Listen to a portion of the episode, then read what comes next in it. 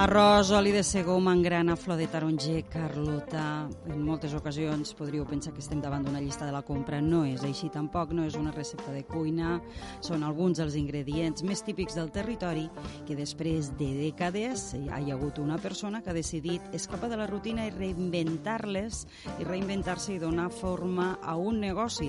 Estem parlant d'Espai Aruna, una ecobotiga de cosmètica bio de les Terres de l'Ebre. Per parlar de què és això i com es va gestar, ens acompanya la seva propietària, la propietària d'Espai Aruna, Marian Andrago. Molt bon dia, Marian. Hola, bon dia. Eh, jo ara et podria fer una entrevista, pregunta-resposta, pregunta-resposta, i això es quedaria en res.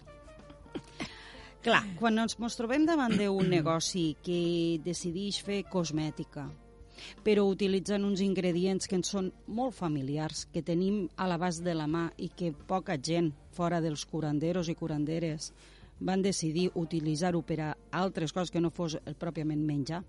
Tu, Marian, com se t'ocorrix i quan se t'ocorrix crear una empresa de cosmètica bio amb això, amb ingredients que tenim a l'abast? Bueno, pues eh, això se m'ocorrís, fa, deu fer, la idea en si fa 15 anys o així, no? que vaig començar a treballar en, en diferents ingredients que no eren d'aquí, que no teníem a prop, eh, te'n vas a buscar... Home, ara, ara, a veure si estàvem parlant d'ingredients que tenim a tocar, Sí. i, però justament m'estàs dient que no. Que no, que no. La idea- L'inici va ser buscar eh, les propietats d'ingredients, però que tots me portaven a lluny, no?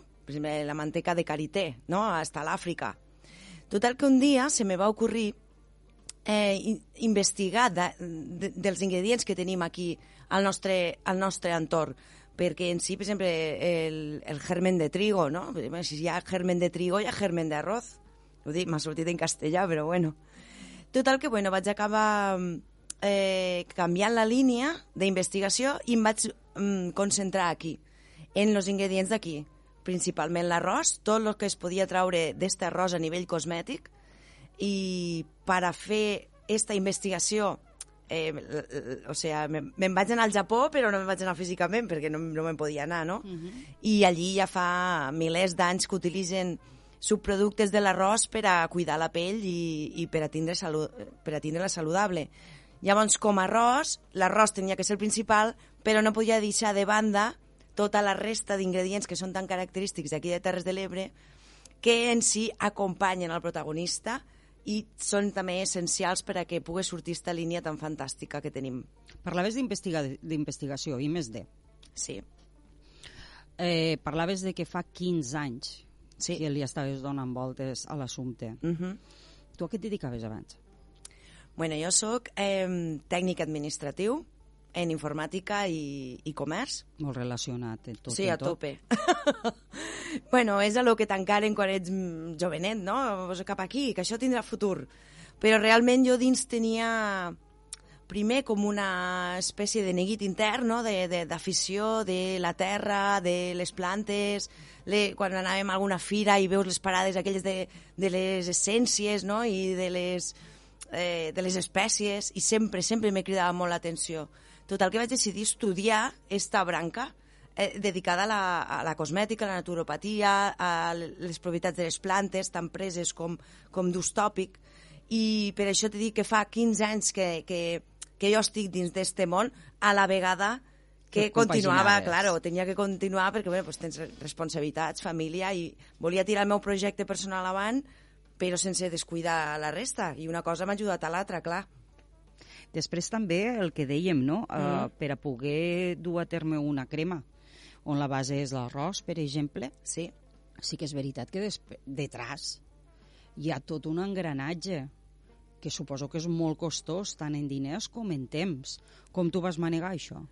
pues, dins de les, de, del temps lliure que me quedava, lo que, quan ja acabava de fer tot el que tocava, llavors me dedicava a formular, a investigar, a buscar el laboratori, a, a, quins, a banda dels ingredients principals, quins excipients tenien que anar per a que allò fos estable, i al moment que ja vaig tindre la fórmula, que jo ja sabia que volia que fes allò, la, la odissea va ser buscar a on fer-ho, Uh -huh. vale? perquè mm, no pots fer-ho a la cuina de casa. Yeah. Un, un, un, bueno, qualsevol tipus de producte que s'aplica al cos està regulat per l'Agència de Medicament i necessita un, bueno, una infraestructura i uns estudis i uns tècnics que han d'analitzar-ho tot i s'ha de legalitzar el portal dels medicaments. Total que llavors, quan ja vas tindre tota la formulació, l'odissea va ser buscar com fer-ho aquí. I aquí no vaig poder-ho fer. Per tant, bueno, vaig dir, o ho faig o se queda només en un projecte que explico. Uh -huh. Me vaig tirar de la moto i vaig començar a buscar eh, les instal·lacions on podia tirar avant el primer producte. Vaig mirar a Catalunya, no vaig trobar el lloc adequat per a fer-ho. Sí. Total, que al final me vaig anar cap a baix i vaig arribar a Alacant. Allí vaig trobar la, el laboratori, tot l'equip tècnic, en poder jo treballar i poder treure la, la línia de cosmètica d'aquí. I la línia de cosmètica mm. d'Espai Aruna, en què consisteix? Què, què, què ofereix? Vale. La línia de cosmètica està... mm, O sigui, està form, hi han formulades 27 fórmules, 27 productes, que és línia adults i línia infantil. Quan dic infantil són els més petitets, els bebès, Uh -huh. hasta els 3 anys o així. Que de més grans també s'ho poden ficar, no? I després està tota la línia que ja seria pues, a partir dels 11, que ja ens podem a, començar a ficar esta, la línia d'adults. Inclús mm, protecció solar, hi ha molts de tipus de, de productes d'higiene també, que no seria ja només cosmètic, perquè diràs com a, que és banal, no? Com cosmètic, i és cura personal. Llavors també, per exemple, Mm. eh, parlam de les característiques d'algun dels seus productes. Del teu producte estrella. Quin és el teu producte, producte estrella, com, ja que parlaves de la banda econòmica, no? la banda econòmica és molt complicada. A més, jo ho he fet tot, tot sola. Ajuts no n'he tingut. Tampoc no, no m'he ficat a pensar que ho tenia que fer en ajut, en ajut econòmic, perquè era un projecte tan nou que tampoc no, no era com a que no tenia cabuda quan vaig començar. Per tant, doncs, vaig eh, mirar què podia fer jo tot sola, autofinanciant-me, i vaig poder treure un cosmètic, que és el sèrum facial d'arròs. Vaig començar per la, per la, per la línia facial. Eh, el sèrum facial és dins d'una línia de, de cosmètica facial el que té les més altes propietats. Per tant, dic, com no sé si em podré treure més, vaig a treure lo màxim, l'estrella Michelin, no? Total que, bueno, pues sí, també ha sigut, ha estat mm, guardonat en els Organics Clean Awards, Sí, senyora. que és... Bueno, igual m'he adelantat a les No, preguntes, no, no, però... no, però ja va bé, digues, Sí, digues. Eh, és com si fos... Jo sempre fico aquest exemple, no? perquè així potser també si ho associem a l'alimentació, la gent és un guardó molt important. És com l'estrella Michelin de la, de la restauració, però en cosmètica. I en cosmètica dedueixo que bio Orgànica i ètica. i ètica. Sí. Característiques d'este sèrum, què t'ofereix? I si jo em poso el sèrum, què m'ofereix? Si tu et poses el sèrum, t'ofereix que no porta ingredients afegits que faiguen aquella, que tinguin aquella propietat. El sèrum és intel·ligent, o sigui, els ingredients que porta este producte són intel·ligents i li donen informació a la teua pell. Llavors, per exemple, pells tacades pel sol, que a més aquí on trobem estem super exposats al sol aquí baix, eh, se despigmenten, a la vegada que quan tu et fiques el producte evita que et tornes a pigmentar. Va treballant tot el dia, despigmento i no deixo que et pigmentes. Eh, pells en excés de greix, acné, que estem trobant acné inclús en, en, en, en xiques ja més grans, no? que dius, als 40 acné, doncs bueno, hi ha un destarote hormonal brutal i el que estem, estem aconseguint és que l'acné desaparegui, sense agredir, sense ficar tractaments eh, perjudicials per a la salut. La pell ho entén com a part d'ell i comença a funcionar, perquè no, no, no l'estem obstruint en químics. Ella pot tornar a buscar els recursos propis per a que allò se solucione.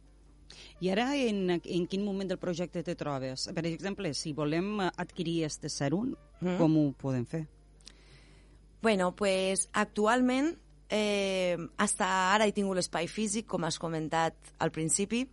El, el dia 31 d'octubre se tanca la botiga física de Deltebre, eh, però Espai Aruna continua.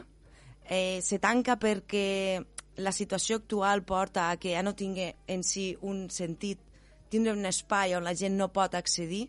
Espai Aruna té productes que no són un luxe, que no han de ser un luxe, i mm, actualment pues, ja t'he dit que la gent està en, pues, pues, pues, bueno, retallem de totes bandes i una botiga en un poble té sentit quan la gent pot accedir, pot entrar i pot comprar. Uh -huh. M'estic trobant que mm, és tot online, és tot per WhatsApp, és tot, està canviant tot tant. Jo sempre he sigut de botiga de, de, de carrer. Sí. Sempre. I sempre he anat a la tele, he anat a la ràdio, he fet un munt d'entrevistes i he dit jo sóc Spider una gràcies a la gent que ha pujat l'escaleta el primer dia. I això mm, me fa molta llàstima tindreu que canviar.